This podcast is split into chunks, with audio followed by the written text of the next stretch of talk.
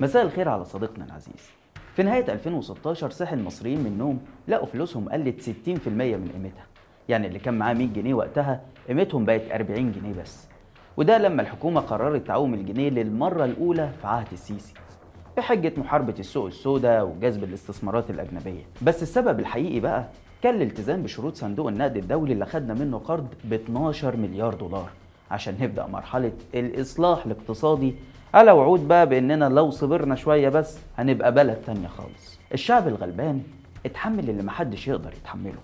غلاء أسعار وصل لأكتر من الضعف ورفع الدعم عن كل حاجة تقريبا غاز ومية وكهرباء وكله. أسعار الأكل والمصاريف والبنزين كل ده ضعف مرتين ثلاثة وفي نفس الوقت الحكومة ما سابتش حاجة إلا وطلعت منها بمصلحة عشان تاخد فلوس من جيوب الناس. وظهرت حاجة برضو كده زي ضريبة الراديو وكروت الشحن اللي بقيت تروح تشحن ب 10 تاخد 7 جنيه والحكومة تاخد 3 ده غير قانون التصالح الخاص بالمباني والعقارات واللي الحكومة لمت منه مليارات. كل السياسات دي بقى زودت نسبة البطالة وقللت دخل المواطن لدرجة إن 30% من الشعب بقوا تحت خط الفقر. رغم كل ده فضل بعض الناس مستنيين يحصدوا ثمار الإصلاح الاقتصادي اللي داقوا المر عشانه بس جت كورونا سنة 2020 والسيسي قال لك استنوا معايا كمان سنتين معلش. دي أزمة عالمية يا جماعة هعمل إيه بس؟ وهاتك يا إصلاح تاني.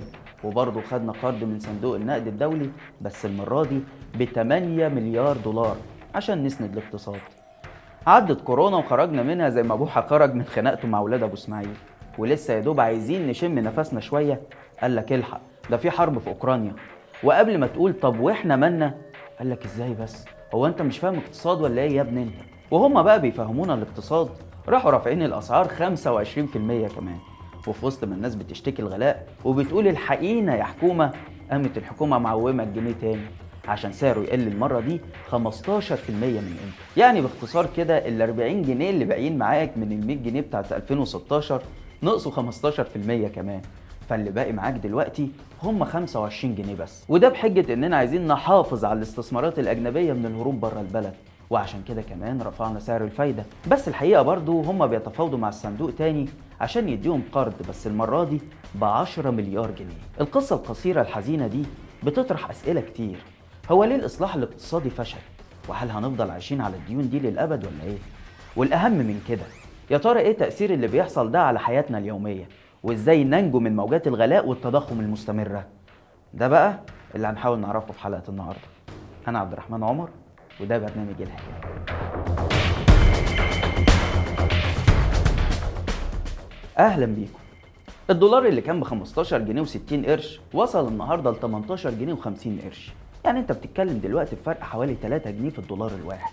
ده معناه إنك لو معاك مدخرات قيمتها مثلا 100000 جنيه فهي قيمتها النهارده أقل من 85000 جنيه. بعض الناس تقول لك طب وأنا مالي بالدولار؟ أنا بقبض بالجنيه وبشتري بالجنيه وبسدد فواتيري بالجنيه. ليه بقى الأسعار تغلى بالشكل ده؟ وأروح أشتري مولتو الاقيه ب 7 جنيه. أقول لك ببساطة إن قيمة عملتك المحلية مش بتكتسب من ذاتها لكن بيتم تقييمها عن طريق الدولار. ولأن اقتصادك غير منتج فأنت بتستورد كل حاجة تقريبا الأكل والشرب والسلع الغذائية وكله برضه بالدولار. وده معناه إن النتيجة المباشرة هي زيادة الأسعار. وآسف إن أنا أقول لك برضو إن الزيادة الحالية دي مش هي المقصودة. لا لسه في موجة غلاء جديدة. مع العلم إننا داخلين على شهر رمضان اللي أصلا بيزيد فيه معدلات الاستهلاك وبترتفع فيه الأسعار. كمان البنزين يؤسفني أبلغك بإن أسعاره متوقع زيادتها في نهاية شهر مارس اللي إحنا فيه ده. وتحديدا لأنه موعد اجتماع لجنة تحديد أسعار المواد البترولية. واللي رغم إنها مش مسموح لها ترفع السعر بأكتر من 10% بس خرج طراطيش كلام كده للصحافة إنها ممكن تتجاوز النسبة دي بحجة ارتفاع أسعار النفط العالمي وتكاليف النقل وكمان تغيير سعر صرف الجنيه. والزيادة دي من المفترض يبدأ تنفيذها في أول أبريل اللي جاي. وده مع العلم برضو إن سعر البنزين زاد جنيه مقابل اللتر خلال السنة اللي فاتت. الغلاء هيوصل بسرعة لكل حاجة تقريبا. عقارات عربيات موبايلات كل حاجة. كل حاجة هتلاقي التاجر بيقول لك الأسعار الجديدة بقت بالرقم الفلاني. وده إما لأن الحاجة دي متسعرة أصلا بالدولار فبالتالي بتزيد أو لأن التاجر ده عايز يغطي زيادة الأسعار اللي هو كمان ضحية ليها لأن كل حاجة زادت عليه. أما بقى لو أنت نفسك تاجر وبتستورد كل حاجة من بره فطبعا سعرها زاد عليك وبالتالي أنت هترفع سعرها في السوق المصري. فتكون النتيجة إن بدل ما تبيع مثلا 100 منتج هتلاقي نفسك بتبيع 80 لأن القوة الشرائية بتاع المواطنين قلت طبيعي. يعني ببساطة كده الناس مش معاها فلوس تشتري. وطبعا ما ننساش مصاريف المدارس بتاعه الأولاد وغيرها من الخدمات اللي أكيد هتزيد بالتبعية. أخيرا اسمح لي أقول لك إن نصيبك من الدين الخارجي زاد حوالي 2500 جنيه. لأن لما تيجي تقسم إجمالي الدين الخارجي بس علينا كمصريين بتلاقي إن كل مواطن مطالب بدفع 900 دولار. وربنا يستر وما نلاقيش الرقم نط لفوق مع القروض الجديدة المتوقعة. وبكده يبقى أنت فلوسك قيمتها قلت وأسعار السلع والخدمات اللي أنت عايز تشتريها غليت. وبالتالي هيكون عندك عجز كبير في ميزانية البيت محتاج يتعالج. يا ترى بقى هتعمل زي حكومة السيسي تاخد قرض مثلا من صندوق النقد أو وديعة خليجية ولا هتبيع حاجة من الأصول عشان تعرف تصرف من فلوسها؟ ولا بقى هتعمل الصعب وتحاول تزود إنتاجك أو تشتغل freelancer مثلا فيجي لك عملة أجنبية وتبقى أنت كمان معاك دولارات. ميزانية البلد يا صديقي العزيز عاملة بالظبط كده زي ميزانية بيتك. لما بيحصل فيها عجز زي ما أنت شايف كده بتكون هي دي الحلول اللي قدامك. تستلف وتعيش على الديون مثلا ولا تبيع حاجة من مدخراتك أو أصولك ولا تزود شغلك وإنتاجك وتصدره لبره فتكسب عملة صعبة. والحقيقة برضو ده بياخدنا لفكرة مهمة جدا. وهي يا ترى ليه الإصلاح الاقتصادي بتاع السيسي فشل وهل هنفضل عايشين على الديون دي كده للأبد ولا إيه اللي هيحصل خبراء كتير اتكلموا صديقي عن خلل الأولويات وانتقدوا الاعتماد على الديون والسببين دول تحديدا هم اللي أدوا لإن اقتصادنا يبقى هش بالشكل ده وأكثر عرضة للتأثر مع أي حدث سواء في الداخل أو الخارج لدرجة إن الناس بقت تقول لو عثرت بغلة في العراق لارتفعت الأسعار في مصر. خلل الأولويات ده بيطرح سؤال مهم، أنت بتصرف فلوسك على إيه؟ لو جيت تشوف السيسي مثلا هتلاقيه صرف مليارات على القصور الرئاسية والعاصمة الجديدة والطرق والكباري ومؤتمرات الشباب والمواكب الفرعونية ومسلسلات رمضان طب يا ترى هل صرفت زيهم على التعليم والصحة؟ صرفت زيهم على السكك الحديدية مثلا؟ طب أخبار الزراعة والصناعة إيه؟ طب التصدير اللي هيدخلك عملة صعبة ليه مش بتشجعه؟ وليه سايب بلدك تبقى أكبر مستورد للقمح في العالم كله؟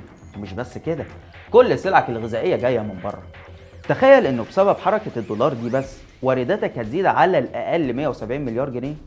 تخيل. يا ترى هتجيبهم منين بقى؟ من جيب المواطن مثلا ولا هتاخد قرض جديد؟ وبرضه المواطن هو اللي بيشيل الهم. أبسط مثال هو القمح اللي بنعمل منه عيش. كنت بتستورده من بره بحوالي 3 مليار دولار سنويا.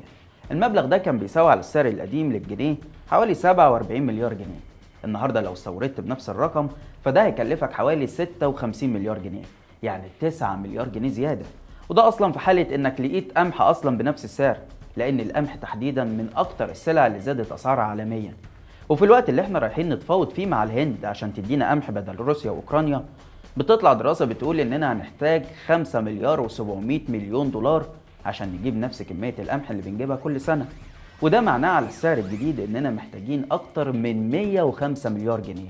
يعني أكتر من ضعف التكلفة قبل الأزمة. أما بقى أزمة الديون فدي دايرة مفرغة محدش عارف هنخرج منها إزاي.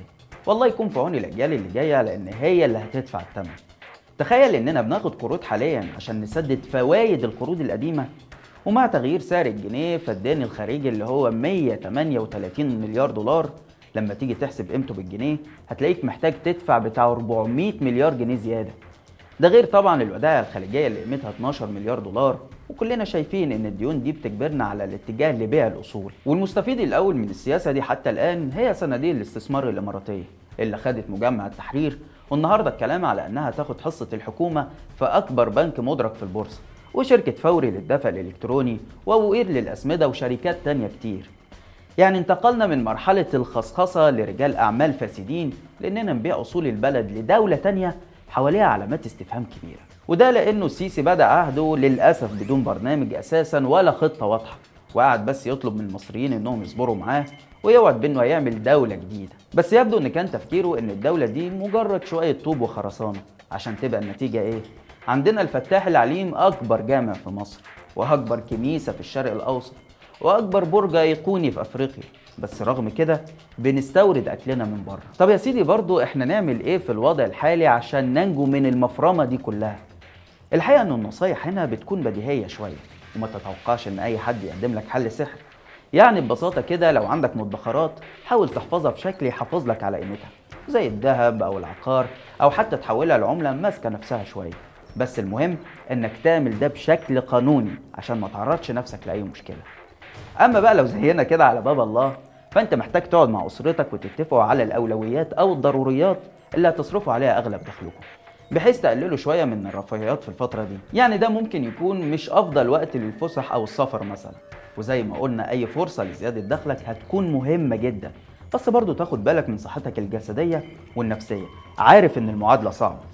بس للأسف ما قدامناش غير كده. في النهاية طبعا بنتمنى لكل الأسر إنها تقدر تعدي الأزمة دي بسلام. ونتمنى من المسؤولين على الاقتصاد إنهم يسمعوا شوية لاراء المتخصصين ودراسات الجدوى. ويشوفوا هم كمان الأولويات اللي تقدر توقف الاقتصاد على رجله وتحقق لنا الاكتفاء الذاتي من السلع الأساسية عشان مش أي أزمة تأثر علينا بالشكل ده. بس كده لحد هنا والحلقة خلصت. ما تنساش طبعا إنك تقدر تسمع البرنامج بتاعنا بودكاست من الروابط اللي هتلاقيها في التعليقات. كمان اعمل لنا like يا سيدي و share واشترك في القناة على اليوتيوب. واستنانا طبعا كل يوم جمعة الساعة 9 بالليل بتوقيت القاهرة في حلقة جديدة من برنامج إيه الحكاية؟ سلام.